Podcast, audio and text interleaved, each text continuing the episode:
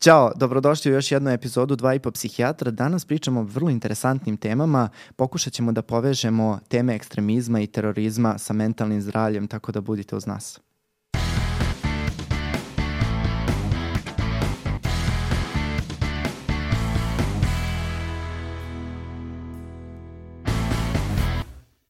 Bavimo se danas vrlo ozbiljnim temama.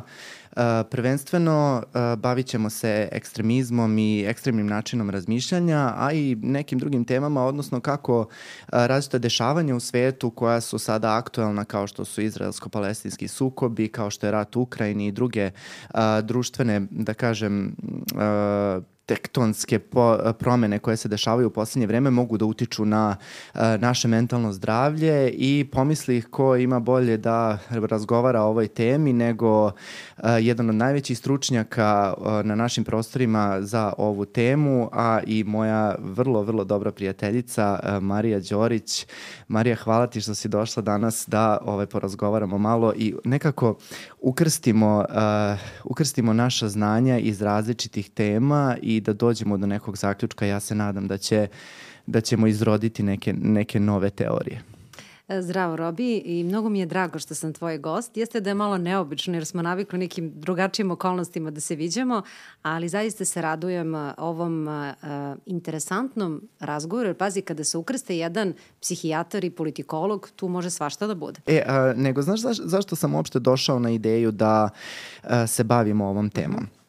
Uh, Rekao sam i u samom najavi, prosto, u samoj najavi prosto dešavaju se ogromne promene na nivou Tako. celog sveta. To onako graniči se sa nekim tektonskim promenama u političkom, uh, u političkom smislu i um, evo sada je aktuelan ovaj rat između Izraela i Palestine, deša, dešava se rat u Ukrajini, uh, vrlo su aktuelne teme Kosova i tako dalje. I onda nekako mi u psihijatriji znamo da uh, takve velike promene u društvu mogu da izrode um, različite mentalne probleme sa jedne strane, a o tome smo pričali u nekoliko epizoda prethodno, A ono što je um, druga strana medalje jeste da se u tim situacijama dešava sve veća nekako radikalizacija društva i jedna sklonost ka ekstremističkom načinu razmišljanja. I onda smo se mi nekako um, kako bih rekao, zabrinuli je kao ajde da malo sa neke druge profesionalne perspektive obradimo ovu temu. Pa mi reci da li smo u pravu i da li ima nešto što bi ti voljela da dodaš na tu temu?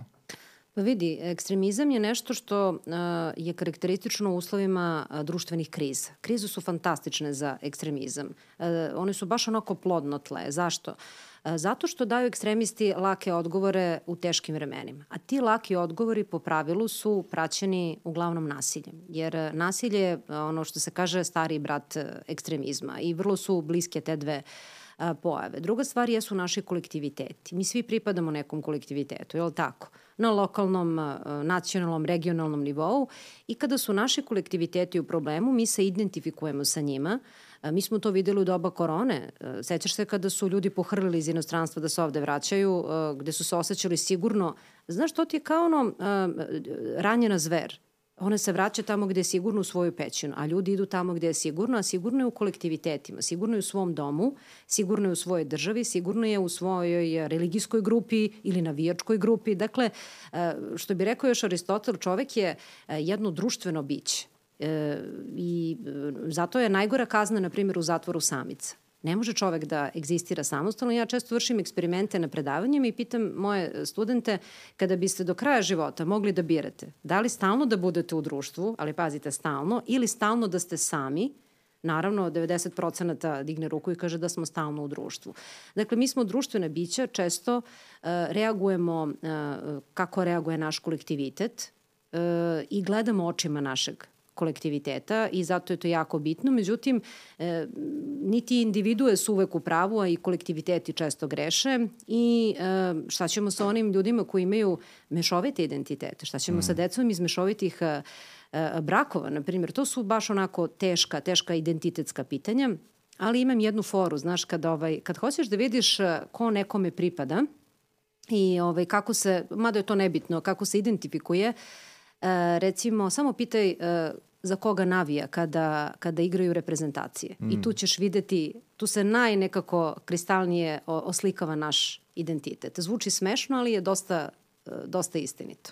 Apsolutno mi nije smešno i apsolutno se s tobom slažem. A znaš šta mi je interesantno? Je, um, bavio, bavili smo se jedno vreme i mi na institutu o tom, um, kako bih rekao, sklonošću da neko ode u ekstremizam. Evo, nekako smo spontano krenuli od ekstremizma, pa ćemo ići dalje. Evo, kad smo kod ekstremizma, to mi je uvek bilo interesantno. Znači, nekako važi jedno uvreženo mišljenje da su ekstremisti ljudi koji imaju određene uh, crte ličnosti ili određenu nekako podlogu, da li je to siromaštvo, da li potiču iz uh, raspadnutih porodica, da li su da. to neki rigidni ljudi bez obrazovanja i neku, e, ono koji ne, ne pripadaju nekom mhm. kulturološkom odgovarajućem miljeu.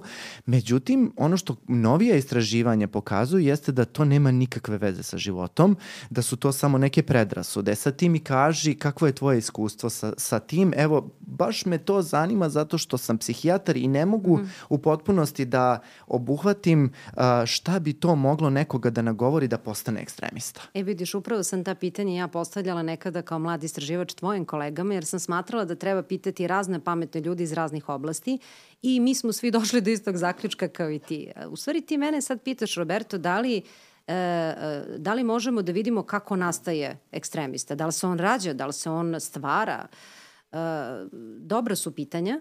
E, mi nemamo odgovore na to. Suštinski ne postoji univerzalan način radikalizacija. Radikalizacija to ti je proces kako neko postaje ter, terorista ili ekstremista. I sad ću ti dati jedan primjer. Zamisli imaš porodicu sa uh, dvoje dece, jedno postane doktor nauka, super je, lepo se ponaša po svim jel te ono, standardima, a drugi je, na primjer, problematičan kriminalac ili terorist. Oni imaju sličnu genesku predispoziciju, oni su uh, rasli u sličnom, da kažemo, okruženju, imaju slične uzore, uh, Postoji nešto što se tiče našeg karaktera. Neko reče e, karakter je čovekova sudbina, ali nije samo to. Negde je istina što kažu agent e, ovaj, e, Skali i Molder u dosijevu X, istina je negde između.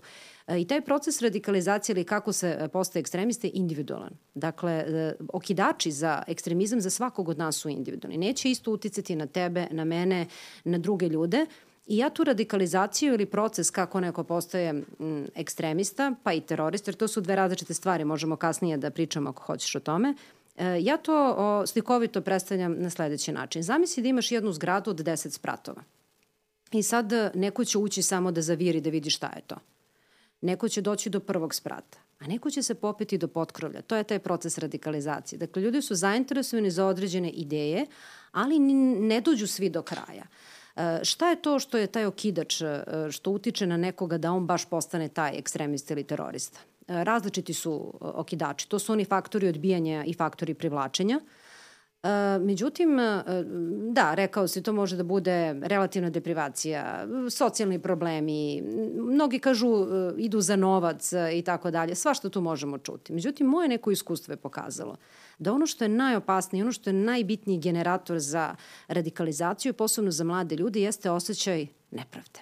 Mm -hmm. Osjećaj nepravde i bez koji, tu frustraciju koju pre svega mladi ljudi osjećaju, uh, sa, sa kojim se teško bore, a što se tiče uh, tih povezivanja ekstremizma sa tipovima ličnosti, ja moram da ti kažem da su E, mnoge međunarodne organizacije, mnogi instituti fakulteti potrošili silne pare da naprave psihološki profil terorista i nikom nije uspelo i neki što su uradili zaista delo onako absurdno, kao kažu prostočan terorista, to je neki, ne znam, čovek između 20 i 30 godina, pa te e, muslimanske veroispovesti, što je diskriminacija odmah, moram da kažem, pa ne znam, iz razrušene porodice, razvedenih roditelja, što je takođe još jedna od predrasuda. Mnogo se mogu čuti stvari koje nisu tačne.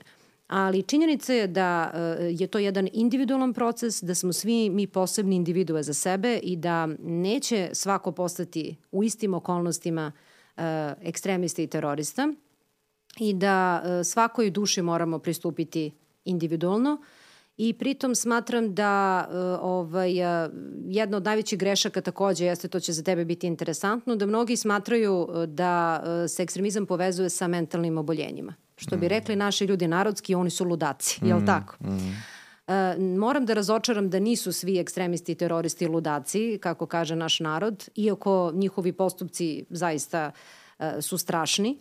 E, većina njih e, ima iskrivljen sistem vrednosti. Oni čoveče zaista veruju u to da, da radi ispravnu stvar, da koristeći nasilje, obično u ime neče, nečeg višeg, u ime Boga, u ime ideologije, u ime vrednosti, u ime grupe, kolektiviteta, da čine nešto dobro. Tako da, e, da, možemo naći ekstremiste i teroriste sa određenim vrstama mentalnih poremeća, ali to nije ništa više nego u ovoj opštoj populaciji. Ali e, u neka istraživanja su pokazala e, ovaj, jednu bitnu stvar. Naprimjer, imamo dosta ljudi sa narcisoidnim poremećajem ličnosti koji su ekstremisti.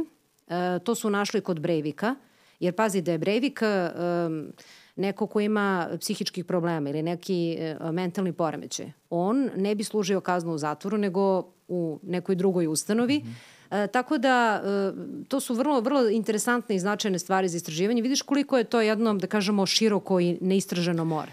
Jeste. Um, mislim da to kod opšte populacije što si rekla da ljudi percipiraju ekstremiste i teroriste kao bolesnike, onda stavlja uh, kategoriju pacijenata naših uh, i, i osoba koje su obele, obolele od mentalnih poremećaja u stvari u jedan vrlo nezavidan položaj. Mi se godinama i godinama trudimo da ukažemo na to da agresivnost psihijatrijskih pacijenata nije ništa veća nego agresivnost u opštoj populaciji. Šta više, čak je uzorak opšte populacije pokazuje veće stepen društvene agresivnosti, ali ave to je neka tema za mhm. drugu i mi imamo i ovaj u planu da obradimo temu agresivnosti i vrlo se radujem toj epizodi jer mi je jako bitno da skinemo i taj veo sumnje sa psihijatrijem. I ja se jako, ja se jako radujem, a već kad pričamo o agresivnosti, ako mi dozvoliš, ja sam čitala neke ovaj, jako lepe knjige, recimo ovaj, Conrad Lorenz i, i o agresivnosti, dosta stara knjiga, ali istinita i on kaže da je najveći a, a, predator, najveća zver u prirodi čovek. Mm Znači, životinje neće nikada naneti bez razloga zlo uh, svojoj vrsti kao što će to uraditi čovek bez razloga.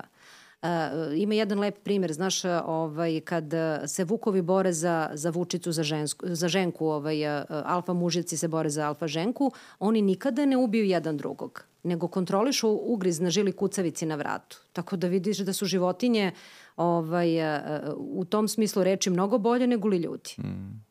Mm. Tužno, ali istinito. Jeste. I ovo što si pomenula, Uh, kada si uh, govorila o tome šta ljudi misle ko su u stvari teroristi i ekstremisti, znajući da ćemo pričati o ovoj temi, ja sam takođe malo testirao svoje okruženje. Ja mislim da sam sa svim ljudima iz svog okruženja popeo na glavu, jer stalno sprovodim ta neka mini istraživanja pred epizode, jer mi je jako bitno da vidim šta ljudi iz mog okruženja, okruženja misle. to je super meni, da. I, ovaj, I onda sam ih pitao da li, šta vi mislite ko su po vama teroristi, ko su po vama ekstremisti. I šta su ti rekli baš mi Sve ovo što si ti rekla. Pa, tu ludaci, Veruj mi, 100%, bolesnici, tako, tako je ovi, iz, to su deca iz loših porodica i tako dalje. To je muškarac, 30 mm -hmm. Do 40 godina. To je Jeste, huligan, um, ovaj, problematičnog ponašanja, iz neke um, raspad porodice, iz nekog vrlo teškog finansijskog, socijalnog milja i tako dalje i tako dalje. Tako da, um, evo, danas razbijamo Predras. predrasude. A ja volim čekam. to da radim, znaš, ovaj, uh, tako da i samim tim što se bavim ovom temom, a žena sam,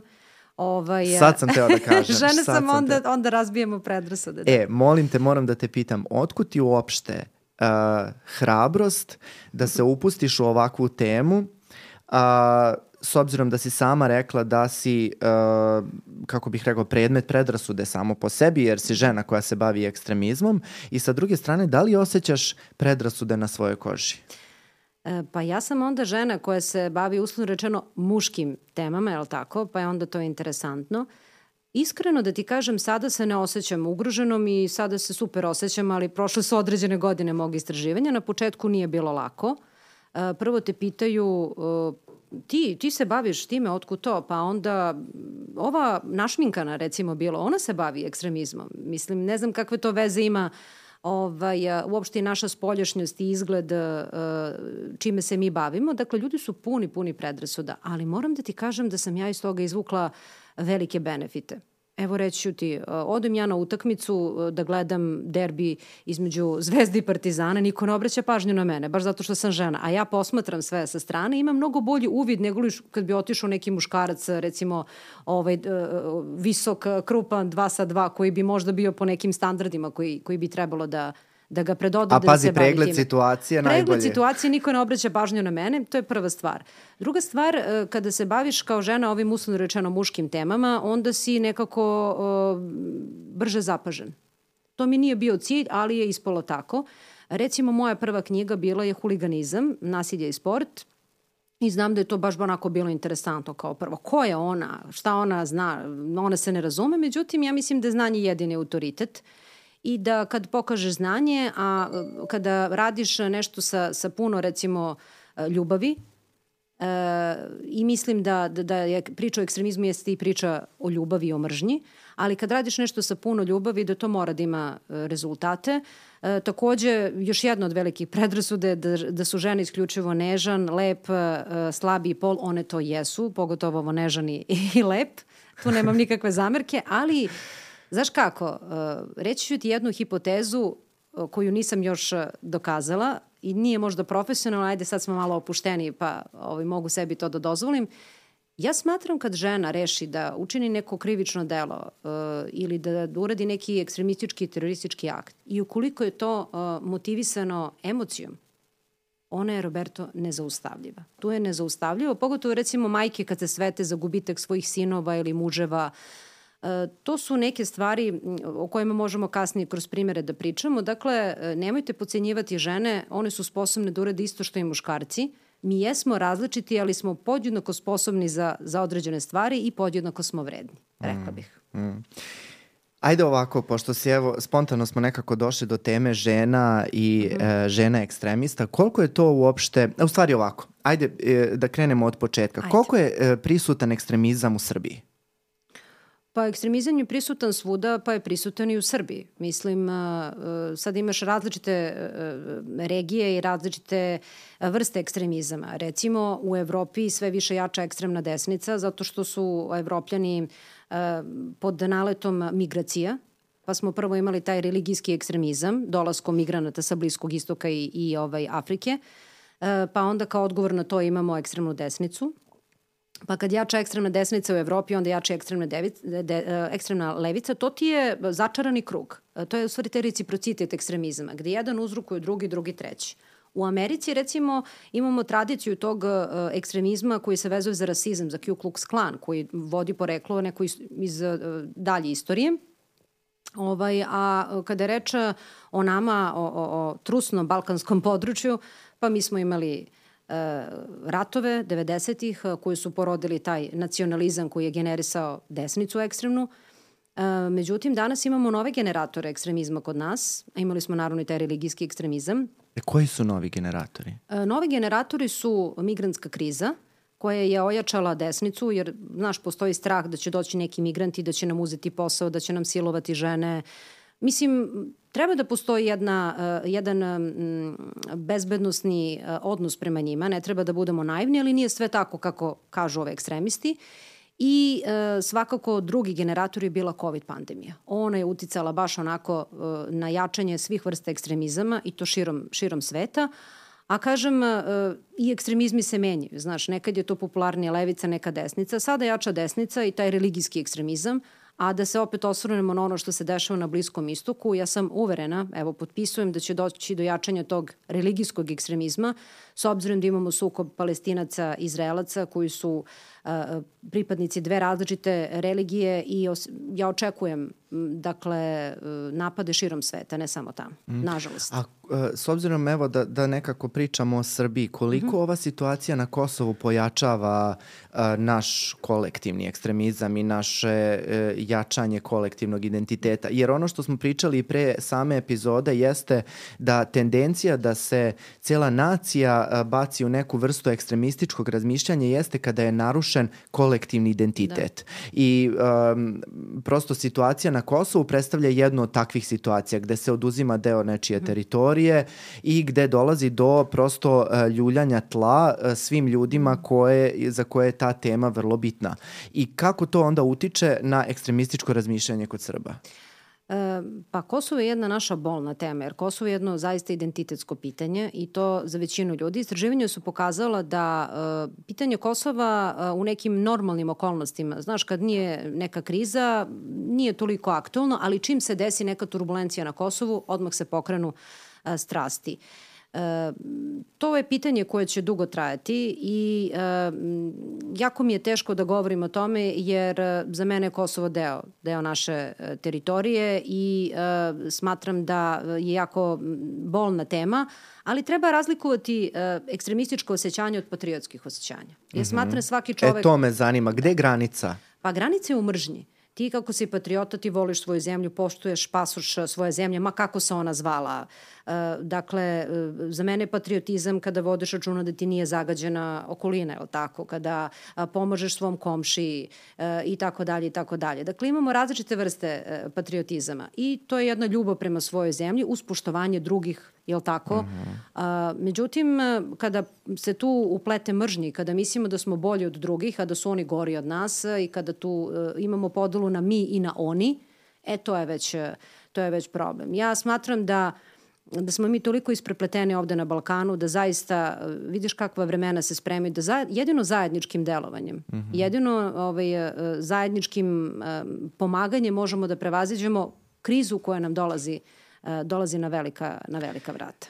Zašto te uopšte pitam ove stvari? Imam osjećaj da, pogotovo u poslednjih nekoliko godina, uh, pošto znaš da se bavim dečijom psihijatrijom, mm -hmm. roditelji um, sve nekako češće dovode decu na razgovore zbog neke, nekog vrsta problema u ponašanju a, I onda kada malo psihoterapijski i diagnostički prosto zadreš u, u ličnost tog deteta, e, nađeš neke obrise ekstremističkog načina razmišljanja, neke, ko što kažeš, mržnje.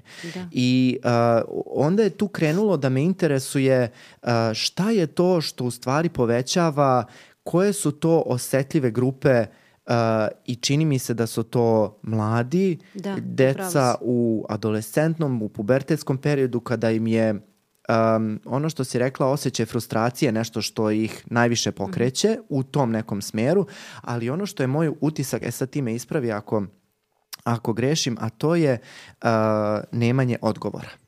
Znači, nijedno živo biće uh, ne voli da bude bez odgovora, odnosno ne Tako. voli da, da se pita i ne voli mm. da bude ambivalentno i voli da stvari budu jasne. Pogotovo mladi ljudi. I onda kada nemamo odgovor recimo na pitanje Kosova ili recimo na pitanje ove izuzetne polarizacije uh, Izraela i Palestine ili kada ili imamo Ukrajine, imaš. Ukrajine Ceo i Rusije. svet se polarizovao, to je naj, najopasnije. Ti više ne možeš da budeš neutralan, a to je recimo osnova nauke i objektivnost, je li tako istina, ti više ne možeš da budeš neutralan jer sve funkcioniše po principu ko nije sa nama, on je protiv nas. A mene Tako to je. užasno nervira. Jer ja ne želim da budem ni levo ni desno, želim da budem ono što ja jesam, autentična, uh, ovaj, uh, da moje kolektivitet bude uh, takav ako ima potrebu za tim. I to svrstavanje ovaj, po principu crno-belo, vidiš, to ti je velika osnova za ekstremizam. Jer e, ništa ti u životu nije crno i belo. Ima malo i sivog, jel da? Mm -hmm. Znači, moramo da budemo spremni na to kritičko mišljenje. E, deca su to ti bolje znaš od mene, ali e, deca su uvek ogledalo svojih roditelja, ja bih rekla. I e, kad imamo problem sa detetom, valjda treba prvo lečiti roditelje. Mislim, ja se ne razumem, nisam psihijatar, ali ovaj, nekako mi je to logično. E, deca i, i mladi su jako osetljivi na radikalizaciju. Vidiš, ta mržnja e, lako može da se utka u proces vaspitanja i to je tužno. Eh, jer eh, deca su pravi anđeli i ona su apsolutno nevina za sve, za sve ono što se dešava oko nas. E, već adolescenti i mladi ljudi, Uh, oni su jako podložni za ekstremističke grupe, jer mlad čovek ima osjeć, potrebu da nekom pripada, ima uh, upravo uh, želju da bude deo kolektiviteta. I je zašto? Zato što mu taj kolektivitet pruža moć, pruža mu identitet, pruža mu snagu. Evo, da uzmemo primjer huliganske grupe. Molim te, evo da. sad sam baš teo da te ne pitam navijačke, vezano. molim te, ja sam Dobro. navijač, nisam huligan, imam, imam klub za koji navijam, neću sad iz političke korektnosti da kažem, ovaj, ali recimo ne sadrži crvenu boju. Već neki negoduju ovde, ali nema veze. Da. Dakle, uzmimo za primjer mlade momke, tinejdžere u Srbiji koji e, žele da budu moćni, žele da budu neke face, evo da, da se žargonski izrazim, i sad e, upoznaju nekog pripadnika neke, oni kažu navijačke, to je huliganska grupa. I šta se dešava? E, oni počnu da dobijaju određene povlastice, i onda počinju da misle da su oni nešto jako bitni. E, Opisat ću ti jedan proces regrutacije. Recimo, e, tineđeri se kod nas od strane huliganskih grupa koriste za e, distribuciju droge.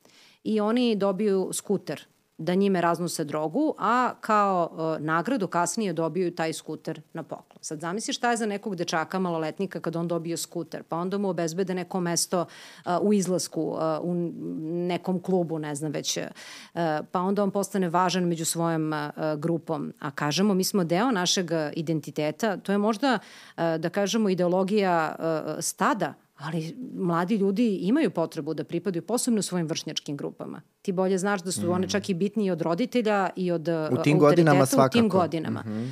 Uh, I onda oni postaju uh, zapravo deo te grupe, postaju lojalni toj grupi, a grupa počinje da ih iskorišćava. Jer huliganske grupe kod nas, uh, one nemaju nikakve veze sa navijaštvom i sa ljubavlju prema klubu. Uh, one su postale prave ozbiljne, organizovane kriminalne grupe, jer šta je njihov krajnji interes? Po tome vidimo lukrativni interes, dakle novac. A tamo gde je novac nema ljubavi, je li tako? E, tako da e, vidiš to je jedan od procesa e, regrutacije, vrlo perfidan i to kreće na lokalu, to kreće u osnovnim školama. E, druga stvar koju bih žela da napomenem jeste ta lojalnost u huliganskim grupama koja se očekuje. E, ranije je bilo da svako ko želi da bude član huliganske grupe, pogotovo da putuje u inostranstvo, mora da ima zabeležen napad na policajca to ti je kao inicijacija ovaj, da, da se ti dokažeš da si deo grupe, da si deo tog članstva i vrlo teško se vrlo teško se izlasi. Ali e, kakva je tu veza između navijaštva i huliganizma? To mi je uvek bilo interesantno, jer nije kao da nemaju veze. Nekako Imaju, pa ljudi da ne. se uh, uh, biraju iz te neke grupe mm -hmm. i onda se ti neki koji prođu tu inicijaciju mm -hmm. prosto probiraju se i izlače se iz tih grupa.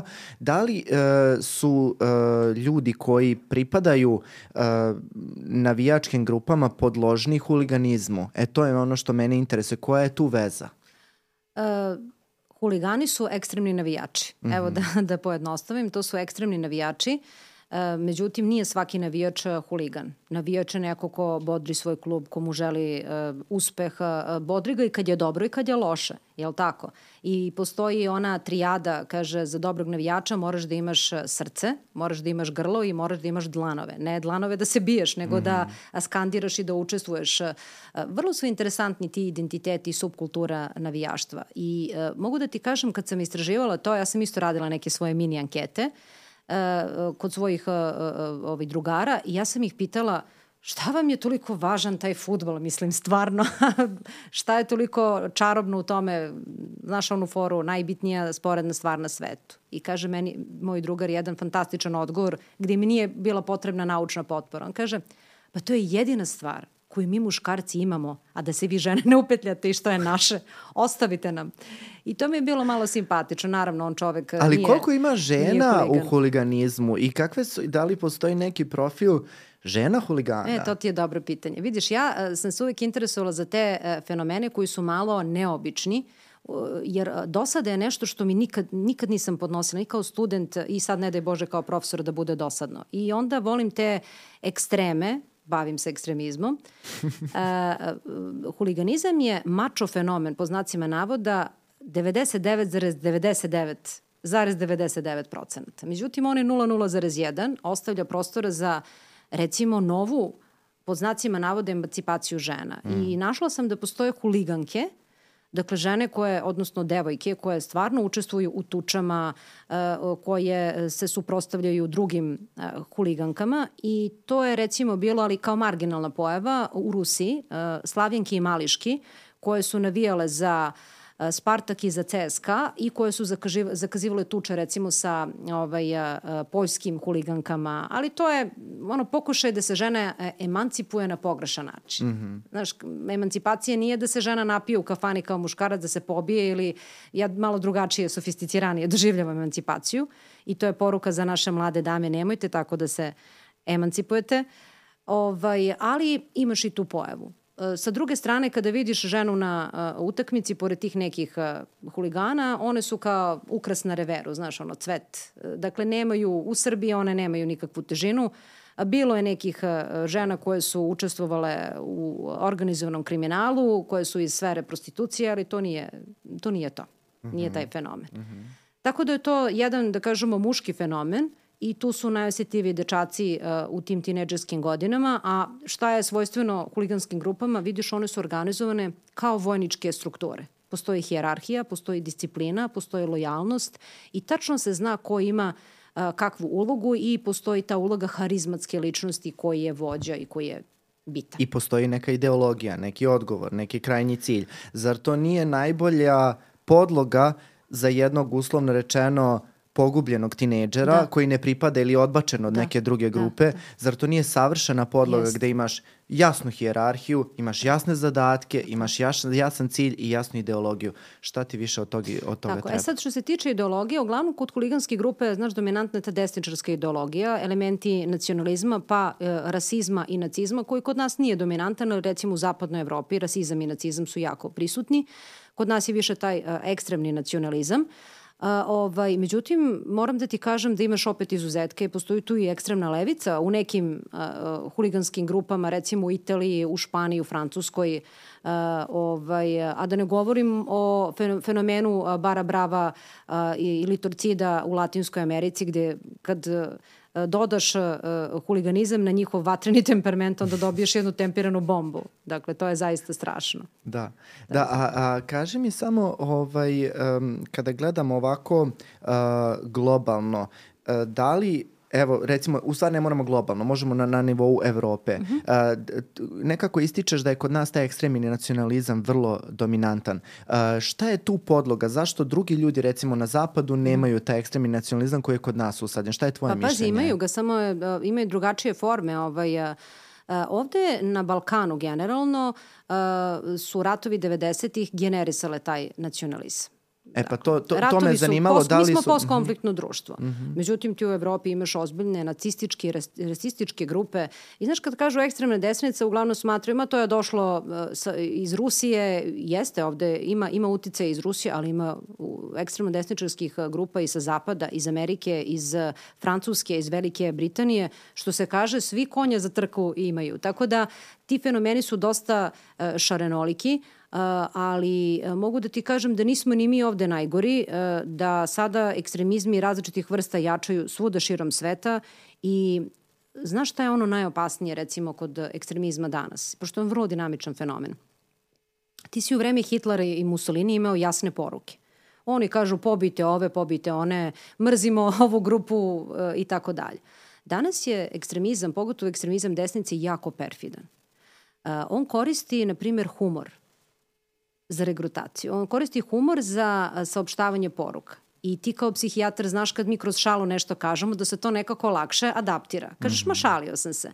Oni koriste memove koji su jako uh, popularni kod mladih generacija za saopštavanje određenih pojava. Ima jedna uh, interesantna pojava, hoću da je ovde spomenem kod tebe, nisam ti možda pominjala, uh, to je pokret incel involuntary celibate, odnosno muškarci koji su nedobrovoljno u celibatu, odnosno muškarci koji ne mogu da nađu devojku za mm -hmm. intimne odnose. I mm -hmm. to je pokret koji se javio uh, na zapadu. Reću ti zašto mislim da kod nas ovde nikad ne može da zaživi taj pokret ili će biti slabo prihvaćen i oni uh, pokazuju mizoginiju i mržnju prema drugim muškarcima koji su, jel te, onako frajeri, uspešni u komunikaciji sa ženama i uh, pokazuju animozitet, odnosno mržnju prema drugim ženama koje jel te gledaju te zgodnije i lepše muškarce u odnosu na njih. I to je jedan ozbiljan pokret koji se javio na zapadu. A zašto mislim da kod nas neće zaživeti? Pa da li misliš nekog Balkanca koji će reći ne mogu da nađem devojku ili ja sam ono, nikome neće? Mislim da taj ego i ovaj prosto uh, mačoizam na Balkanu to ne bi doživeo. Mm, Tako mm. da je to dobro, nećemo imati bar takve pojave, da, ovaj, da se da. malo našalimo. Uh, ba, baš smo prošle nedelje imali epizodu u kojoj smo se bavili uh, narcizmom, tako da to mm. sve što si opisala nekako me podsjeća na pa te ima, obrise ima narcističkog poremeća ličnosti, ali ovaj, to je bila tema ove prošle nedelje. Sad nekako vezano, um, vezano za ovo, um, pominješ perfidnost u ekstremizmu, ali koliko um, sada mediji danas imaju uticaja na širenje ekstremističkog načina razmišljanja i ekstremizma uopšte. A zašto te to u stvari pitam? Našao sam jedan podatak gde je nacionalna geografija objavila svoj dokumentarac o um, MS-13 uh, ekstremističkoj grupi uh, američkoj mm -hmm. i nakon objavljivanja tog ovaj dokumentarca uh, merili su kolika je koliki je stepen interesovanja određenih grupa za taj uh, za tu ekstremističku organizaciju i našli su da je nikad veći stepen učlanjivanja. E sad mene zanima šta ti misliš koliko uloga medija u stvari dovodi do promovisanja ekstremizma? Ogromna uloga medija i ne treba je pocenjivati. Evo reću ti baš u vreme COVID pandemije, mi smo imali jedan uh, nenormalan rast uh, ekstrem, uh, ekstremne desnice. E, I ona je nekako najbolje se snašla, ako tako možemo da kažemo, u pandemiji. E, dok su se ovi religijski ekstremisti, znaš, džihadisti primirili, jer oni imaju neke druge ideje, stvaranje kalifata i tako dalje, bili smo zatvoreni, na, u online prostoru je došlo do uh, eksplozije ekstremno desničarskih ideja. Oni su to neverovatno dobro iskoristili za regrutaciju i uh, čak su uh, se prebacili sa zvaničnih uh, platformi Uh, pretežno su koristili recimo Telegram za komunikaciju zbog uh, enkripcije i tako dalje.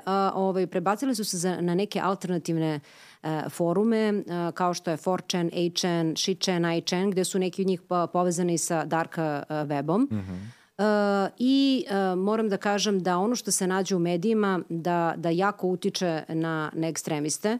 Uh, pogotovo je interesantna jedna pojava, znaš, zove se teorije zavere.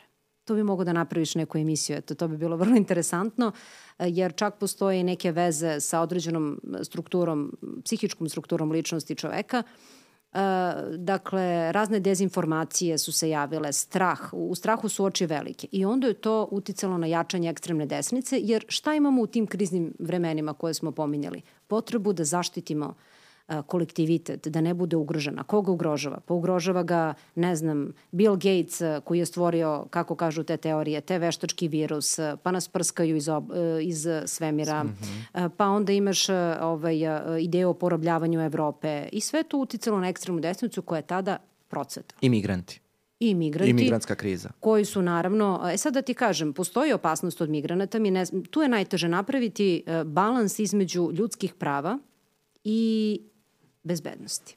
E, a moram da ti kažem jedan, evo, ako je interesantan mm -hmm. podatak. Institut za mentalno zdravlje je radio jedno istraživanje u saradnji sa UNICEF-om gde sam i ja bio jedan deo ovaj, istraživačke grupe i mi smo radili na terenu dosta. Išli smo u migranske kampove kako sa porodicama, tako i sa mladim ljudima, međutim onako uh, in, um, populacija koja nas je najviše interesovala mhm. su bile deca migranti, odnosno takozvani migranti bez pratnje, odnosno deca bez pratnje. I ovaj, najviše smo sa njima razgovarali koliko smo mogli usled uh, te otežanog sporazumevanja, da, da. logično. I pitali smo, sproveli smo to istraživanje i dan danas UNICEF ima taj uh, jedan ogroman report koji smo napisali ovaj, na tu temu. I zašto mene sad ta tema mnogo interesuje? Mi kada smo njih pitali šta su vam najveće uh, želje, prepreke, izazovi kada se nađete u zemlji koja nije vaša. Logično, to su neke ove osnovne stvari za preživljavanje, komunikacija, prisustvo zdravstvenoj zaštiti, socijalnoj zaštiti i tako dalje, nemogućnost ganjanja određenih papira, mm -hmm. dokumenta i to. Ali kada pitaš onako na ljudskom nivou, šta je ono što vas najviše uznemirava, šta to je mržnja, odbacivanje, odvojenost naravno od svoje mm -hmm. porodice, i potpuno nesnalaženje u vremenu i u prostoru u kome su se našli, ali istovremeno ogromna doza mržnje, mm -hmm. marginalizacije koju osjećaju, pogleda na ulici i tako dalje. I onda kada pitaš jednog prosečnog čoveka u, u Srbiji, on će reći ovo što si ti pomenula ranije. Migranti su tu da nam uzmu mm. uh, poslove, da nam... Ko će da ti uzme poslove? Mislim, stvarno, mi smo njima najčešće u 90% slučajeva jedan, jedna stanica uh, ka delu Evrope kojem, I, kojim se kreću. I to je dobro u, u pogledu bezbednosti i kada reč o ekonomiji, jer moramo i o tome da mislimo. Među tim migrantima se nalaze infiltrirani ekstremisti, naravno mali broj, mm -hmm. zato govorimo o bezbednosti jer to je moja tema. Međutim, oni postaju uglavnom opasni kad dođu na krajnju zemlju, u krajnju zemlju destinacija, a to su zemlje Zapadne Evrope. I vidjet ćeš, mm -hmm. imaće Zapadna Evropa velikih problema, pogotovo, kažem ti sada, u kontekstu ove arapsko-izraelske krize, bit će tu raznih protesta i bit će tu raznih incidenata. To su neke moje predikcije. Da, da, ali hoću da ti kažem, mi smo radili sa decom, znači to su deca 7, 8, 9, 10, 11, 12 godina. Tu nije bilo infiltriranih ekstremista. Naravno, naravno, to ne Oni su da tek, govorimo Zašto, zašto njih pominjem? Zato što su oni podložni tome oni su u stvari najbolje, uh, najbolji, kako bih rekao, uh, uh, meso, najbolje uh, um, sredstvo za, za oblikovanje pa, znaš ekstremista. kako ima ona lepa izreka, drvo se savio dok je mlado, a već kad pričamo o tome, imam dosta zloupotrebe dece i ovaj, kad pričamo o ekstremizmu, on je uslovljen i vremenom i prostorom i sad mi pada na pamet jedan strašan običaj koji je za nas ekstreman ovde u Evropi i u svim, da kažemo, zemljama koji imaju taj sličan sistem vrednosti, to je uh, običaj baća bazi kod uh, dece u Afganistanu. To je u stvari forma dečije prostitucije gde se dečaci uzrasta od 9 do 12 godina koriste za određenu vrstu plesa i oni plešu pred odraslim muškarcima i to je zapravo ples zavođenja nakon kojeg a, oni imaju intimne odnose sa tim zrelim odraslim muškarcima i dobijaju novac za to. I to je jedan običaj koji je strašan, koji bi se kod nas principirao kao pedofilija, je li tako? Uh, seksualni odnos sa, sa maloletnikom, još pedofilija i prostitucija, odnosno prostituisanje dece. Ako vidiš, kod njih je to uobičajeni deo folklora. E, to je razlikovanje ekstremizma. Dakle, on se razlikuje uh, teritorijalno i vremenski. Na primjer, u prošlosti si imao inkviziciju koja je koristila strašne metode mučenja za nevernike, za ovakve, za onakve, za koliko je veštica spaljeno. Pa u mm. Srbiji kažu poslednja veštica spaljena u doba Karadžorđa. Mislim, nije to bilo tako davno, ali opet mi nismo tu bili, da kažem, tako izloženi kao uh, upravo te zemlje Zapadne Evrope gde je bila dominantna inkvizicija. Ovaj, danas je to može se smatrati ekstremističkim da ti nekog mučiš pre nego što ga ispituješ i to je naravno konvencija o zabrani torture i tako dalje. Tako da taj ekstremizam vidiš što je jedan vrlo elastičan fenomen, mnogo je teško definisati i sad sam se setila da smo zaboravili da kažemo nešto o šta je zapravo ekstremizam, zato što svi smatraju da znaju. I ja baš ne volim one definicije, znaš što su nas učili da učim na pamet i, i nikada ne teram svoje studente da, da uče na pamet, to mi je nešto odvratno i, i ne, nekreativno, ali uh, imam jednu, jednu svoju, da kažem, ono, nije definicija, ali viđenje ekstremizma, jer to je priča o ljubavi i mržnji. Uh, zapravo, uh, ekstremizam je kao ljubav. Uh, svi znamo da je prepoznamo, ali ne umemo da je definišemo i za svakog od nas je različite, je li tako? Mislim, malo je absurdno porediti uh, ljubav i ekstremizam, ali uh, zaista uh, ta amorfnost u definisanju, elastičnost i daje puno prostora za manipulaciju. I zato se i mnoge zemlje nisu mogle usaglasiti oko toga šta je ekstremizam, šta je terorizam, jer postoji dvostruko standarda i dvostrukost morala. Da, gde god imaš tu, kako kažeš, amorfnost, da. odnosno da. nejasnost pojma, nedefinisanost, da, da, to da. ostavlja podlogu da, za da, još gore za manipulaciju. manipulacije. I da. kako da prepoznamo ekstremizam? Pa to ti je kao hodanje po jednoj, da kažemo, uh, uh, uh, ivici provalije. I ti hodaš, sa jedne strane je čvrsto tleja, sa druge strane je ta provalija. I uvek si na ivici hoćeš li da padneš ili da ostaneš. One koji padne već uh, prelazi u nešto što je ozbiljno od ekstremizma, to je terorizam terorizam je uvek ozbiljniji fenomen, jer e, terorizam je potvrđen ekstremizam na delu. Sad ću da ti, da ti napravim komparaciju. Na primjer, ekstremista priča treba pobiti ove, treba pobiti one, ali ne radi. I tu je govor mržnje i kao, ma možda hoće, možda neće. A terorista to uradi. Mm -hmm. E, to je glavna razlika. Mislim, ja sad malo banalizujem, ali e, mislim da je dobro za... za... Apsolutno, mi, sve mi je jasno što si rekla. Ali znaš šta, me, znaš šta me zanima? S obzirom da je ovo psihijatrijski podcast, šta ti misliš? Kakva je duša jednog ekstremiste? to ti je baš onako dobro, dobro pitanje od milion dolara. Pa duša, da, vi psihijatri se bavite lečenjem ljudske duše, a mi pokušavamo da prodremo isto, ovaj, ja sam politikolog, eh, ovaj, mi pokušavamo da prodremo u dušu isto uh, ekstremisti, teroristi da bismo bolje razumeli. Mm -hmm. I ja sam često konsultovala razne ovaj, uh, i psihijatrijske i psihološke studije da bi razumela, jer zaista moraš sa, sa različitih stanovišta ovom fenomenu da pristupiš. Ne može samo ono bezbednost, politikologija, moramo i vas da konsultujem i tu ste nam jako bitni. Pa ja mislim da je to jedna onako vrlo tužna duša i mislim da tu ima dosta nedostatka ljubavi. I mislim da, uh, ovaj, uh, znaš, ekstremizam je fenomen koji uh, u sebi sadrži dosta besa i dosta frustracije i upravo taj osjećaj nepravde. To su neke karakteristike koje, koje ja vidim uh, kroz dušu tih uh, ekstremista. I opet moramo da vidimo šta je izazvalo taj ekstremizam. Dakle, ja ne verujem da se baš ljudi rađaju takvi, mada sam našla pre par godina baš jedan psihijatrijski časopis i kaže da postoje neke devijacije na hromozomima 48 XXY, tako se ovaj, mm -hmm.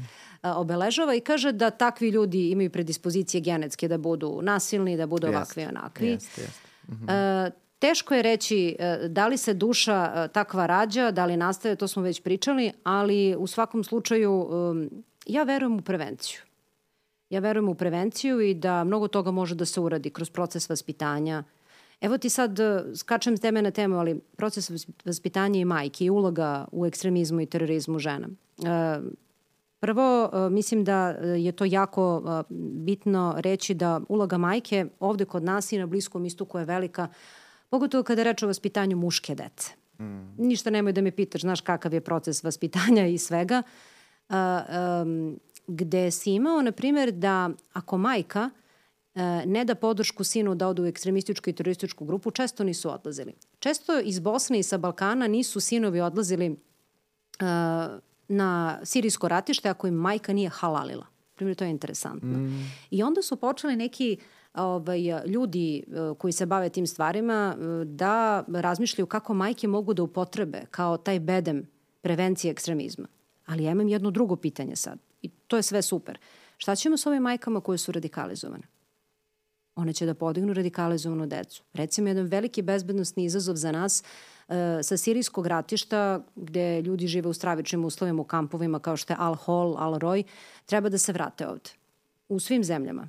Vratili se jedna grupa na teritoriju Kosova i Metohije, vratili su se delimično u Severnu Makedoniju i uh, za Bosnu. Uh, ovaj je došla jedna grupa. Kod nas još nisu došli. I šta ćemo sa tim majkama, izvini, koje su radikalizovane? Da li je humano? Evo ja tebe pitam, ja nemam odgovor. To je, mislim, dobro, ne možemo sve da znamo, moramo jedni druge da konsultujemo. Da li je dobro odvojiti dete od te radikalizovane majke ili šta raditi sa njima zajedno? Vidiš da nemamo odgovor. Upravo nekako poentirala si na toj prevenciji i treba nekako mapirati te ljude i raditi sa njima, Tako jer je. ne mislim da su to nerešive stvari. Mislim da samo treba Uh, treba ukazati uh, na problem i treba ići na emociju. Jer ono kada sam, uh, nešto sam se bavio i tom prevencijom radikalizacije mm -hmm. i um, ono što je generalno tendencija sveta jeste da uh, na radikalizaciju idu kontraporukama, odnosno da kažu kontranarativi, jeste. I onda dođu i plasiraju neke poruke, ali ti sama znaš koliko to ne radi posao. Znači ti da izložiš činjenice pred nekoga ko je već uh, radikalizovan, nema nikakvu, nikakvu poentu i onda se ide, ono što je preporuka stručnjaka jeste da se ide na emociju, da se mm -hmm. ide na sazrevanje, da se ide, da se gađa ta suština. A suština je ovo što si rekla, ta praznina, ta nesreća mm. i taj uh, društveni kontekst koji uopšte doveo do toga da neko se okrene uh, radikalnom načinu razmišljanja. A ono što je moje pitanje za tebe, s obzirom da si pomenula vaspitanje, mm. Šta misliš, kako utiče na uh, razvoj ličnosti kada recimo ono što mi, evo sve vreme mi seva u glavi, mm -hmm. uh, sevaju mi različite slike sa Instagrama koje sam video sa interneta i tako dalje. Znači kada se dete rodi, mm -hmm. obuče mu se dres, i kaže se, ne znam, tata, tatin mali zvezdaš. Ti ili, navijaš za taj klub. Tako je, ti navijaš, ti si već određena. Tako si postaje navijač, znaš, iz porodice. E, pretpostavljam, da, da, da. I onda um, još, ako si u nekom, recimo, um, malo radikalizovanom mm. ovom uh, okruženju i kažeš ne, neko, recimo, da li je to mizogeno okruženje, mm. nacionalističko okruženje i tako dalje, da ti neko još od samog starta govori, e, ovako, treba mrzeti muslimane, treba mrzeti jevreje, treba mrzeti migrante, treba mrzeti ovo ono, da li ta osoba ima šanse? Pa ja verujem da ima šanse. E, sad ću ti reći kako. E, prvo, jako verujem u proces obrazovanja, ali ne u ono obrazovanje, što bi rekli moji studenti, koje smara dosadno, već e, obrazovanje koje je neka vrsta prosvetiteljstva. Dakle, mi kao profesori, mi socializujemo naše studente i učenike. Mislim, to je vrlo odgovorna uloga ko radi uh, ozbiljno to. I ti odmah možeš da vidiš da li neko ima ovakav ili onakav sistem vrednosti i već tu može da se uh, radi sa njim. Ne kažnjavanjem, nego upravo ideš na emociju, pa onda objašnjavaš, pa e, možda je najbolji princip staviti se u nečije tuđe cipele. Kako bi se ti osjećao da, je, da si ti, na primjer, na tom mestu?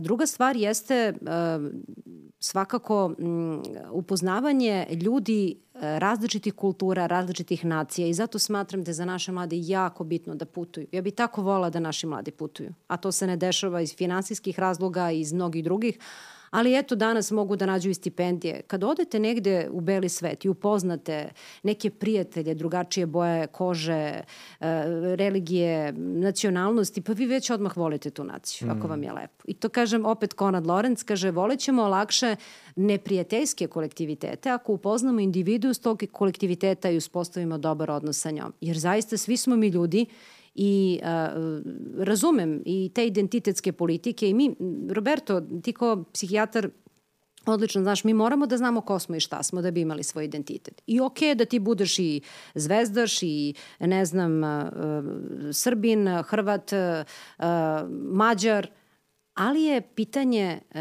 dakle, da li je to nešto obojeno mržnjom ili ne. Dakle, to je ta granica uh, Ja takođe smatram, ovo je sad malo utopistički, ima već dovoljno godina da ne budem utopista, ali ja verujem da je ljubav takođe velika a, prevencija a, ekstremizma, terorizma i mržnje. Jer mi kad imamo ljubavi u sebi, pa mi nismo sposobni da, da, da, da budemo zli prema nekome. Ja moram samo da dodam i izgradnja empatije je možda nešto š, na što treba se, da se, da se fokusiramo, jer ima ovaj jedna doktorka, od, psihološkinja ovaj, amerikanka koja se bavi narcizmom i poremećajima ličnosti, ona i njen muž su oboje psiholozi i a, kada su je pitali, a, doktor Karamani mislim da se mm -hmm. zove, i kada su je pitali a, šta je ono a, što ste, eto, što dva roditelja psihologa potenciraju na odgoju svog deteta, ona je samo rekla empatija. Super je, jako mi je drago što si poentirala na obrazovanju, nekako to je, je, to je ključno i hvala ti na tome i što si rekla za ljubav, ali takođe mislim Absolutno. potencijacija empatije kod dece je nešto što će da nas spasi ne, celu budućnost. Uvek e, a moram samo izvini ovaj, da, ti, da ti kažem zaboravit ću, jer toliko imam znači, stalno puno, puno, da, puno asocijacija. Da, da jeste. Ovaj, ono što mi je, e, što sam našao isto kao podatak, e, Slušao sam jedan TED... Roberto, ti si se baš dobro spremio za ovu emisiju. Mnogo sam inspirisao. Slušaj, znači uh, na TED Talku jedan uh, čovek zove se uh, Paršan de, de Viser, uh -huh. on je iz Šrilanke i on je ovaj, govorio o, o procesu regrutacije ekstremista u njegovoj zemlji, kao što znaš tamo je to uh -huh. ovaj, vrlo, vrlo često. I on kada je sprovodio jedno, jedno istraživanje jeste da je video jedan poražavajući podatak, a ima veze s ovim što si ti rekla, uh -huh. a to je da 70% dece i mladih nikada nije upoznalo osobu koja je van njihovog, njihove nacionalnosti. Pa eto ti. To ti je primer, e, odmah sad i ti mene dosta inspirišeš, asociraš, ideš prirodom i vidiš neku nepoznatu biljku. I ti se sad plašiš da li je to otrovno, da li nije. Ako je bela rada, mislim to nam je poznato ili nešto iz našeg okruženja, znaš čemu služi ili neka, neki čaj, vidiš nanu, ne znam, majčinu dušicu, to je upotrebljivo. Imamo iskustvo, već smo se sretali, ali vidiš nepoznatu biljku i ti odmah zaziraš. Sad ne znaš da li da je zgaziš ili da je ubereš, još ako je mhm. lepa. Tako da strah od nepoznatog stvarno postoji i uh, upravo kažem zbog toga uh, mladi ljudi treba da putuju, treba da upoznaju druge ljude stvaranjem kritičkog mišljenja. Mi mm. postajemo i tolerantni. Sad ne treba da budeš tolerantan prema svemu, tu opet mora, ima čovek, mora čovek imati granice, ali uh, uh, poštovati različitost uz uvažavanje svog identiteta, ovaj, mislim da je, da je prava kombinacija. E sad tu naći balans, to je isto jedno bitno pitanje. E, a kad smo već kod prevencije, mislim da je strašno bitno da, da to pomenemo. Mm kako su neki ljudi sprovodili uh, prevenciju u tim zemljama u kojima se uh, trese nacionalizam mm -hmm. na, na bilo koji način. I napravili su, evo recimo taj čovek iz Šri Lanke pričao o ovaj, jednom njihovom projektu koji se zove Sri Lanka Unites koji je posle pri, prebačen u Afriku, išlo je Kongo Unites i šta ti ja znam. I oni su napravili tako fenomenalan program, to je mentorski program za mlade, gde god imaš ekstremističku organizaciju, mm -hmm ti ćeš imati i mentorsku organizaciju koja će pružati adekvatne uh, usluge, informacije i, i mentorstvo mladih kako bi se sprečilo i prosto ako će neko o, postati ekstremista da ne postane zbog manjka informacija, da ne postane zbog manjka podrške, nego evo ti sve, da. pa odluči. Mislim, za neke stvari prosto ne možeš da sprečiš, ali Naravno. mi se sviđa mi se taj način razmišljanja gde se kreće nekako od suštine, a ne da se zalepi, znaš, oni imaju, oni kad pomenu mimove u jednom momentu, mm. ima ono kao curi bure, pa ćemo samo da nalepimo da, jedan flaster. Re, da, lečimo posledice, ne uzroke. Je, tako je. To je super što si rekao, zato što...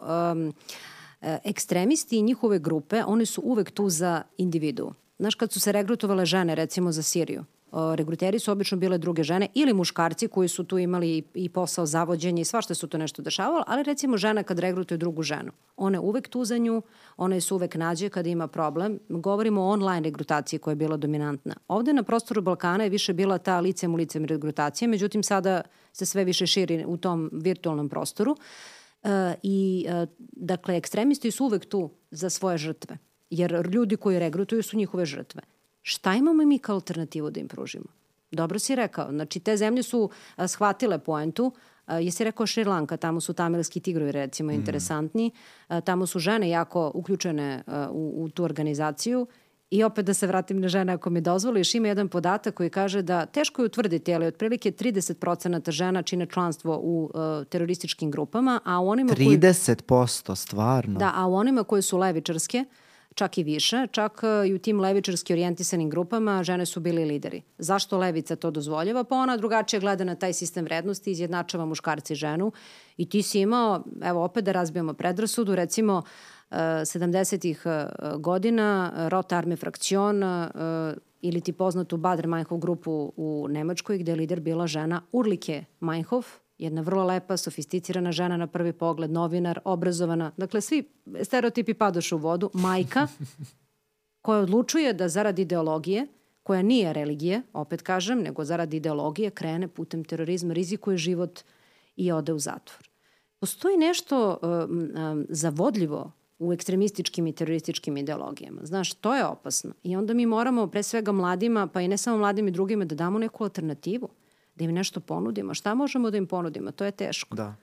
To je ono kad, kao kad savetujemo mi roditelji, oduzmite deci telefon, a šta će oni? Da, mislim, bez telefona da sede i gledaju u zid. Onda, mislim, u tom smislu treba naći uvek nešto ponuditi ako nešto oduzmeš. Treba njihovim I to je sjajna poruka. Treba njihovim sredstvima. Sad ću ti ispričam jednu anegdotu, mislim, to se stvarno desilo. Rešim ja da budem kreativna sa mojim studentima uh, Uh, sećam se prva godina, oni nešto telefone drže, a ja sam alergična na telefone kad vidim ovaj, u vreme predavanja i ja sad rešim da im objasnim pojam ideologije uh, kroz, znači ne volim definicije, kroz uh, ovaj, film i tendencijozno nađem scenu uh, iz eh, filma Rocky, gde Silvestre Stallone i njegov oponent koji je naravno Rusa, Rocky Amerikanac, eh, treniraju različitim uslovima. Ako se sećaš, Rocky trenira jadan cepa drva na minus 30, a ovaj Rus, pošto je to bilo vreme hladnog rata, on u nekom space shuttle ima fantastične uslove i Rocky ga pobeđuje. I ja sad kažem, eto vidite, kako ideologija prodire u sve sfere društva, uključujući i film. Ovo je proizvod hladnog rata američka produkcija. I logično je što su tako predstavljeni Rusi i Amerikanac. I sad to prođe, njima objasnim ideologiju, dolazi ispit. I dolazi moj student, ja pitam šta je ideologija, on kaže, pa znate profesorka, to je ono kad Roki i ja sad u tom trenutku uh, potpuno tonem. Kažem, ja sam omanula i kao profesor i kao pedagog. Međutim, on meni kaže definiciju uh, ideologije i ja vidim da on tu lepo razumeo Tako da sam na kraju uh, osetila deo mog malog uspeha u, u tom kreativnom, da kažem, naboju i ove. Moramo se prilagođavamo novim generacijama, to hoću da ti kažem. I da pričamo njihov jezik. Njihov jezik, njihova e, sredstva, uključujući i telefone i uh, taj način komunikacije. Naravno i oni moraju malo da ono, se približe nama, ali mi smo tu zbog njih imaš dosta iskustava sa terena. Šta su ti nekako dominantna, najinteresantnija iskustva koja su ti se desila, pretpostavljam da će i našim slušalcima biti? Pa recimo kada sam uh, radila neko terensko istraživanje, nisam znala da ću tog dana biti na terenu. Ušla sam uh, u uh, jednu zajednicu, neću reći koju ovaj, manjinska grupa je u pitanju, gde nisu baš uslovi bili onako ovaj, e, za tu vrstu mo, mo, mog, moje garderobe, jer sam imala neke bitne sastanke, onda je krenula kiša, onda je krenuo neki čopor pasa i to je zaista bilo kao u filmovima Emira Kusturice. Znači, a, ovaj, šalu na stranu, pa bilo mi je interesantno kad sam radila recimo istraživanja a, sa huliganskim grupama, ta iskustva a, znači na, na stadionu, a, moram ti reći, ono što osetiš kad si na stadionu, kada čuješ to skandiranje, to je velika količina moći ja sam se u tom trenutku osjećala moćnom, iako sam došla da istražujem i onda sam razumela taj kolektivni identitet koji ume onako dosta da zavara, da te opčini. Dakle, to su uh, fenomeni koji su uh, um, zavodljivi i zato su oni interesantni. A sa druge strane imala sam i razgovore sa nekim ekstremistima, konkretno sa jednom ženom, to su bile fokus grupe. Kažem, zbog političke korektnosti i bezbednosti ne mogu da govorim. I ovaj, gde je ona meni objašnjavala neke stvari uh, i uh, onda mi je dala jednu knjigu, kaže evo ja ovo čitam, a to je u stvari bila knjiga koje, odnosno pravilo ponašanja o klanjanju, koja je napisao jedan terorista um, i koji je poslao iz, iz inostranstva. Ja sam odmah ukapirala o čemu se radi, dok je ta žena bila zavedena i, i nije znala. Uh, a možda najinteresantniji događaj jeste kada sam dobila jedno pismo od jednog teroriste iz jednog zatvora. to je bilo baš onako iskustvo. I onda ti shvatiš u tom trenutku koliko smo mi izloženi. Uh, koliko si izloženi ne samo onima koji će ti reći ma ti si super i ti si dobar, nego i oni koji će možda imati drugačije mišljenje. Na svu sreću, taj čovek uh, iz zatvora nije mi pretio, nije me kritikovao, hteo je nešto drugo, ali samo pomisao da ti šalje pismo na adresu gde ja radim – da. mojim zaposlenima nije bilo prijatno uh, i hoću da ti kažem da ovaj moj posao je izazovan, on je zavodljiv u smislu da je tema intrigantna, da se uvek nešto dešava, ali to je posao koji zahteva celog čoveka i 24 kroz 7.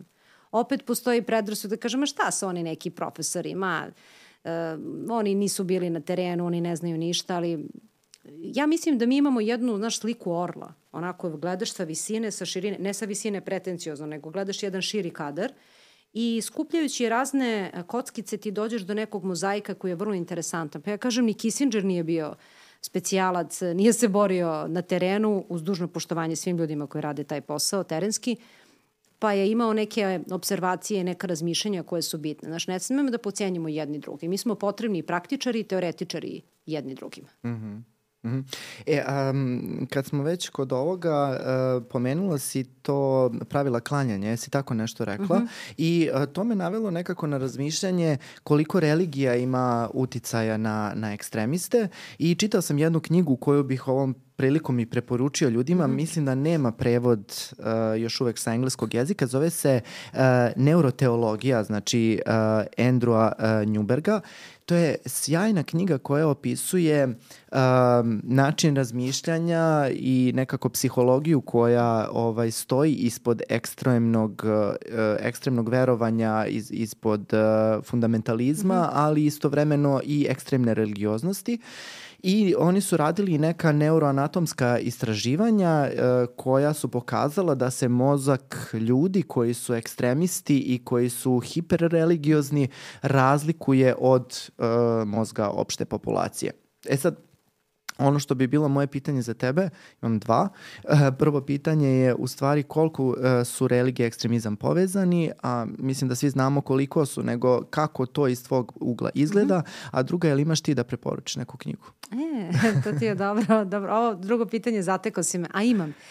Taman ti dam dovoljno vremena dok se ispričaš da, na temu da, religije. Da. Uh, hoću prvo za knjigu da ti Ajde. kažem. Uh, u zadnje vreme čitam latinoamerikance i, i špance, nekako mi leže, mada iskreno sve manje imam vremena da čitam. Kažu mi koji pišemo, mi najmanje čitamo. Čitam, da. jest, tačno. Ovaj, a sad sam u toj nekoj životnoj fazi. Uh, jako volim Markesa, sve od Markesa volim i knjiga koju baš onako obožavam, to je o ljubavi o drugim demonima. Vidiš, danas pričamo o ljubavi, uh, ekstremizmu i ljubavi I sećam se baš mala digresija kad sam imala poslednju promociju knjige, ja sam sve pričala Roberto o ljubavi, a knjiga bilo o ekstremizmu. I meni kaže ovaj sad uh, jedna moja prijateljica kaže, ma super bila promocija, nego mnogo si pričala o ljubavi, a mi došli zbog ekstremizma. Ipak te dve stvari su nekako povezane i opet kažem, ljubav je najbolji lek protiv, protiv mržnje ekstremizma. A ovo tvoje prethodno pitanje o religiji, uh, ja bih rekla da ideologizacija religije opasna. Religije mm -hmm. su sve religije ljubavi. Sve velike religije, pokotovo ove avramovske, one propagiraju ljubav. E sad, problem je kako će neko da protumači. I uh, ovaj, uh, već i u Bibliji imaš dve rečenice, jedna kaže ko tebe kamenom, ti njega hlebom, a onda imaš drugo oko za oko, zub za zub. Pa sad ti izvoli, uzmi šta hoćeš. Mislim da iz svake religije može nešto lepo da se nađe. U, Uh, islamu ima jedna fantastična rečenica u Koranu koja kaže uh, ubistvo jednog čoveka je ubistvo čitavog čovečanstva. Mm -hmm. Mislim, baš možemo jedni od drugih da, da, da učimo. Uh, smatram da ideološka interpretacija religije je loša, jer ona uvek ima određeni politički cilj i smatram da se religije često zloupotrebljavaju uh, zarad političkih ciljeva. To je ono što je opasno, a pogotovo kada uh, uh, znaš neko čini zločine u ime Boga, to su najstrašniji zločini. Jer on veruje da radi nešto dobro. E to je opasno. Međutim, opet uh, sam ja čitala, ne mogu se setiti gde, da ljudi koji imaju tu umerenu religioznost, recimo mogu sebe da uh, spasu od depresije i od samoubistava. Jesam li u pravu? Mm -hmm. Tako da možda postoji ta lekovita uh, funkcija religije u stvari uh, to je kao ono, imaš nož, njime možeš da sečeš hleba, možeš i da ubiješ, ne daj Bože, nekoga. Zavisi kako i religiju kao instrument koristiš. Ona može da budi korisna, a može i da se zlupotrebi. Jeste, mi smo već pričali u jednom podcastu, a pričat ćemo i nadalje koliko je religioznost i duhovnost u duhovnost, stvari da. predstavlja, jeste, jeste, predstavlja jedno, jedan a, zaštitni faktor protiv da. mentalnih bolesti i ja mislim da je religija u našem nacionalnom identitetu strašno bitna i da a, pogotovo vidim pred, ovaj, po mojim pacijentima, što su duhovniji, što su mhm. nekako više u, u, u kontaktu sa, svojim, sa svojom duhovnošću, to uh, imaju veći kapacitet za oporavak, eto znači, da to da tako sam, da, kažem. Da, da, da je u pravu ovaj, apsolutno, da su u pravu ti ljudi, vidiš, uvek možemo jedni od drugih da saznamo. Ja sam često u svojim istraživanjima koristila saznanja i psihijatara i psihologa, znači da sam te konsultovala za, za neke stvari, jer volim, ovaj, uh, volim znanje. Znanje je moć, mislim, meni je to baš onako super stvar. A sad sam se setila jedne stvari, uh, baš kada sam za vreme korone pisala knjigu. Vidi, to je bila moja psihoterapija. Mislim mm -hmm. da sam mhm. ono uradila uh, dobro za sebe. Ja sam tada rešila da imam tu radnu terapiju i pisala sam knjigu. I na početku knjige, pošto se ona bavila ekstremizmom u doba uh, koronavirusa i bavila se tom novom realnošću, odnosno šta je normalno znam da vi psihijatri ne volite taj izraz mm. šta je normalno, šta je nenormalno, ali povezala sam te dve teme. I sećam se da sam jako bila inspirisana uh, temom zagrljaja.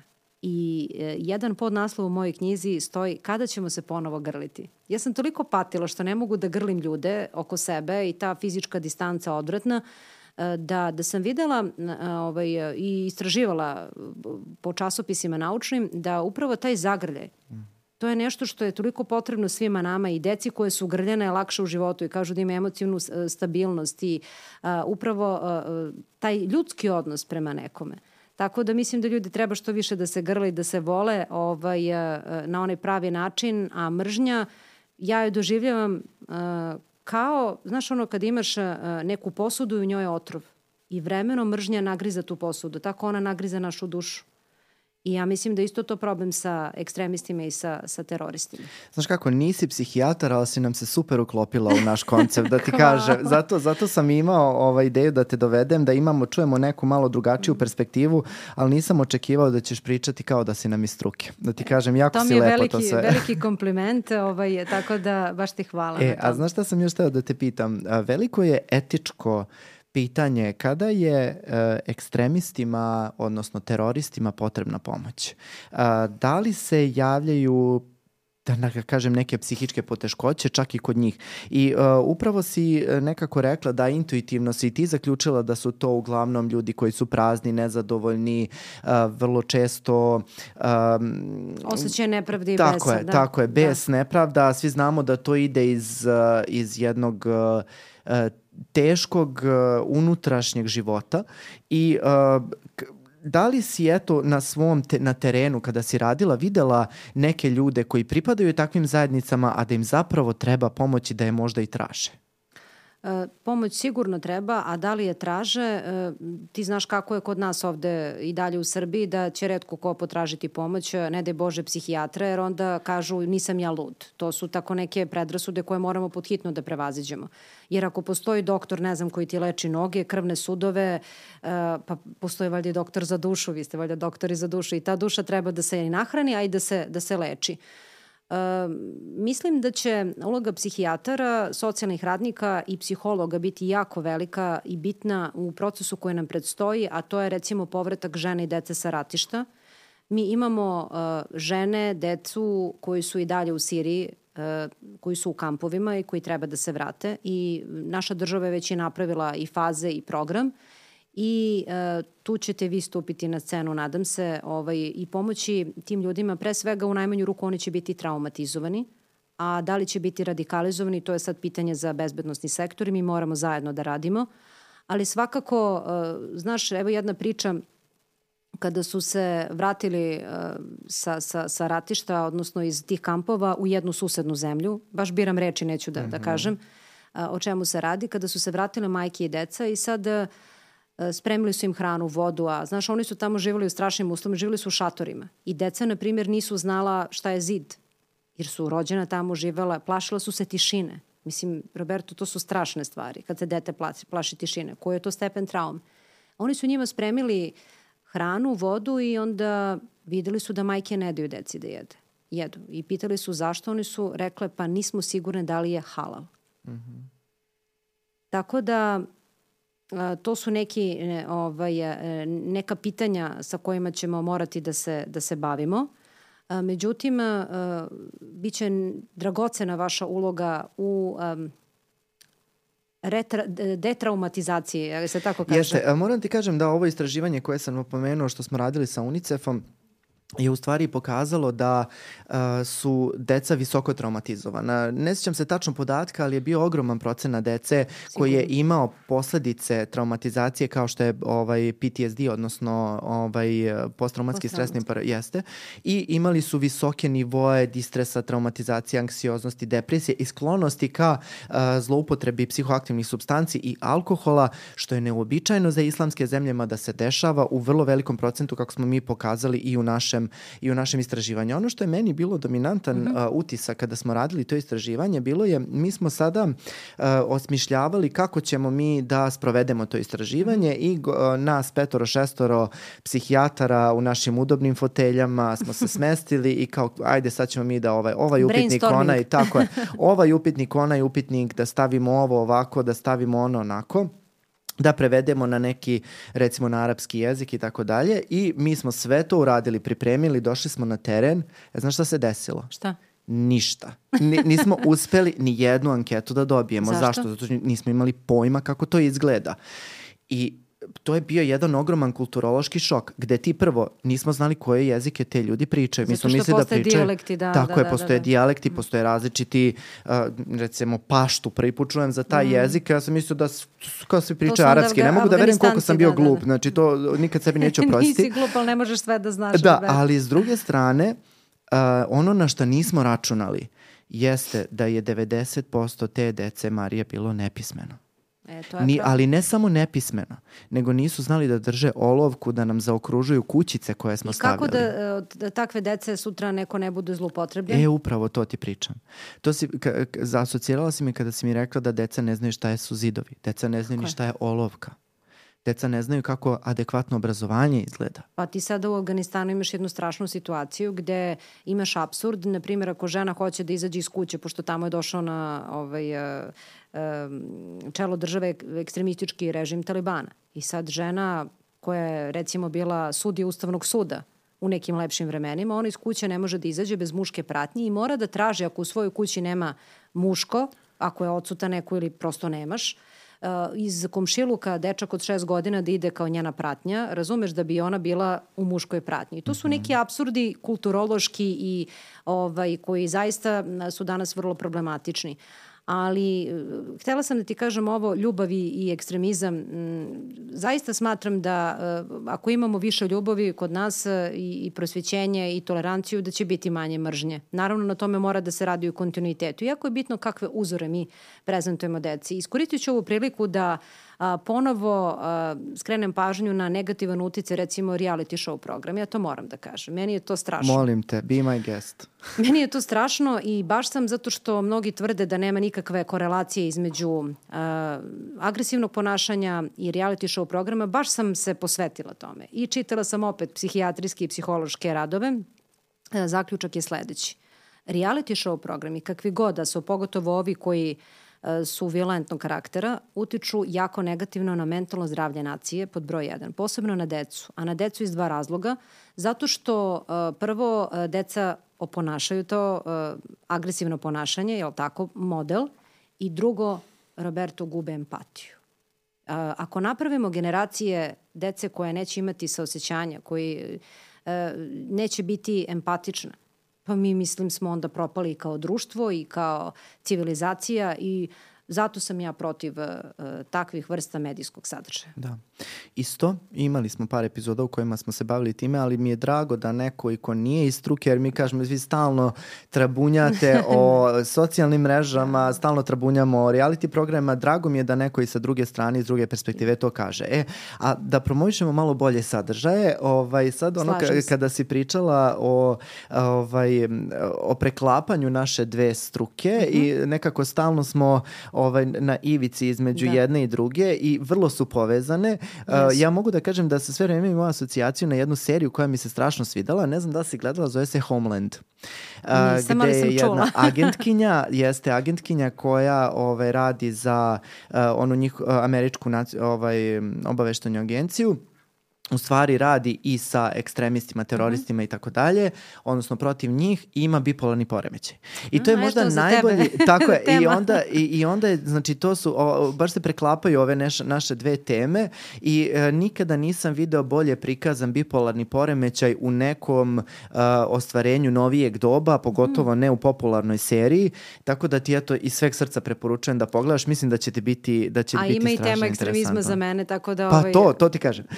Da, E, a, znaš šta me još ovako prevodimo kraju e, e, epizodu i o, ono što ne želim da odeš odavde, a da te ne pitam jeste ono sa početka. Dakle, šta ti misliš, kako u stvari ove, ove velike promene uh, u vidu ogromni konflikta koje se dešavaju na nivou sveta utiču na naše mentalno zdravlje, uh, Zato što smo mi uh, preživeli mnogo toga i sama si nagovestila, mi smo ovaj, jedno onako... Postkonfliktno društvo. Tako je, postkonfliktno društvo i društvo koje je mnogo toga preživelo u smislu uh, ratova, u smislu različitih drugih neprijatnih, užasnih situacija.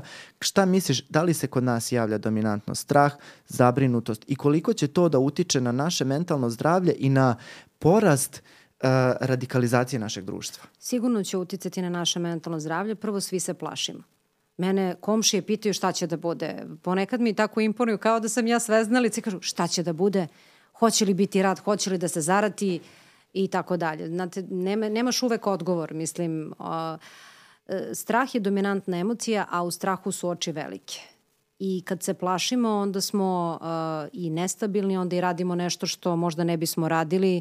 Mnogi od nas su se iznenadili, jel te, tokom korona uh, pandemije kako smo reagovali. Upravo iz straha. Uh, E, dešava se jedna strašna i ogromna polarizacija u svetu. E, po principu prijatelj, neprijatelj. Opet kažem, ja ne volim te podele, a ono što je opasno za, za nas kao region i za zemlju, jer smo mi na jednoj velikoj granici, Roberto. Na granici između istoka i zapada, na granici između dva sveta, a na granicama uvek nestabilno. I šta možemo da uradimo? Pa možemo da gledamo svoja posla, ja bih rekla, da ne ulazimo u ratove velikih, možemo da radimo na mentalnom zdravlju. Mislim da ljudi mnogo rade na svom izgledu i to je lepo, rade uh, ovaj, uh, fizičke vežbe, je tako, ali treba malo raditi na svojoj duši, na svojoj psihi. I uh, mislim da svako od nas zna šta, šta mu ono, ulepšava dan, šta ga čini srećnim. Pa neku malu srećicu svakog dana da uradimo za sebe, ali ne samo za sebe i za drugoga i da to bude iskreno. Mislim da su to neki onako ne saveti, nego neka razmišljanja zdravorazumska, a nisu neka velika mudrost, a mislim da su jako dragocena. I nekako da malo više obraćamo pažnju na druge. E, mi smo prihvatili od zapada sve ono što je loše, a, nešto, a ima dobrih stvari koje možemo njih da prihvatimo. Prihvatili smo tu individualnost preveliku, da nas briga za druge ljude, a mogli smo da prihvatimo rad, red i disciplinu, jer tako što je ono dobra stvar kod njih. Tako da, znači, širimo ljubav, da volimo druge, da volimo i sebe, ali ne narcisoidno, nego onako zdravo, jel te, ako smo, ovaj, da se pozovemo na religiju, ljubi ovaj, druge kao samoga sebe, nije to za džabe rečeno, to su neke mudrosti. I svakako uh, da uh, jedino na taj način, uh, vodeći računa o sebi i o drugima, ovaj, uradimo nešto dobro. A da menjamo velike, znaš, ono, svetske politike, to je jedna velika scena, sad ono, sve što se dešava. Neću da budem apokaliptična, da kažem da se nalazimo u nekom trećem svetskom ratu, ali e, treba, treba ovaj, e, živeti neki svoj život što je moguće bolje i e, pustiti druge ljude da, da takođe žive svoje živote. Jo, kako si to divno rekla, ja sam se izgubio, ja sam da, bukvalno sve vreme ono gledam, te dva srca sam ju očeo. E, mnogo ti hvala stvarno i na ovim porukama što si poslali, uopšte što si bila kod nas u gostima. Ja nikada neću zabo, uh, oprostiti sebi što sam zaboravio da ponesem tvoju knjigu uh, Ekstremizam uh, za vreme COVID pandemije. Uh, jako mi je ta knjiga pomogla da razumem sve ove koncepte o kojima si pričala, tako da ću ja eto pozvati ovaj, sve naše slušaoce ukoliko ih interesuje nešto više o ovoj temi da mogu da pročitaju u tvojim knjigama. Uh, samo mi reci gde mogu da se nađu uopšte? Pa ja imam nekoliko knjiga, zapravo pet knjiga ovaj, o ekstremizmu i huliganizmu. Uglavnom to je Institut za političke studije, moja matična kuća, a knjiga se zove e, Ekstremizam i nova realnost pod naslov Svetu doba e, koronavirusa. E, samo bih ti rekla da mi je baš bilo prelepo kod tebe u emisiji i da sam uživala kao da smo negde na kafi. E, jako mi se sviđa ovo što radite. Mislim da prosvećujete naš narod, da to nam je potrebno, da radite dobru stvar. I za kraj, evo, pada mi na pamet jedna rečenica Hemingwaya, ja volim da kažem, niko nije ostrvo sam po sebi, svi smo mi deo jedne velike celine i to ne treba da zaboravimo. Dakle, jedni e, utičemo na, na druge, pa i naše male sreće i nesreće. Mnogo ti hvala na gostoprimstvu. Eto ljudi, bila je ovo još jedna epizoda dva i po psihijatra. Uh, čuli ste Mariju uh, koja je sjajno pričala na, na različite teme o kojima smo se danas dotakli.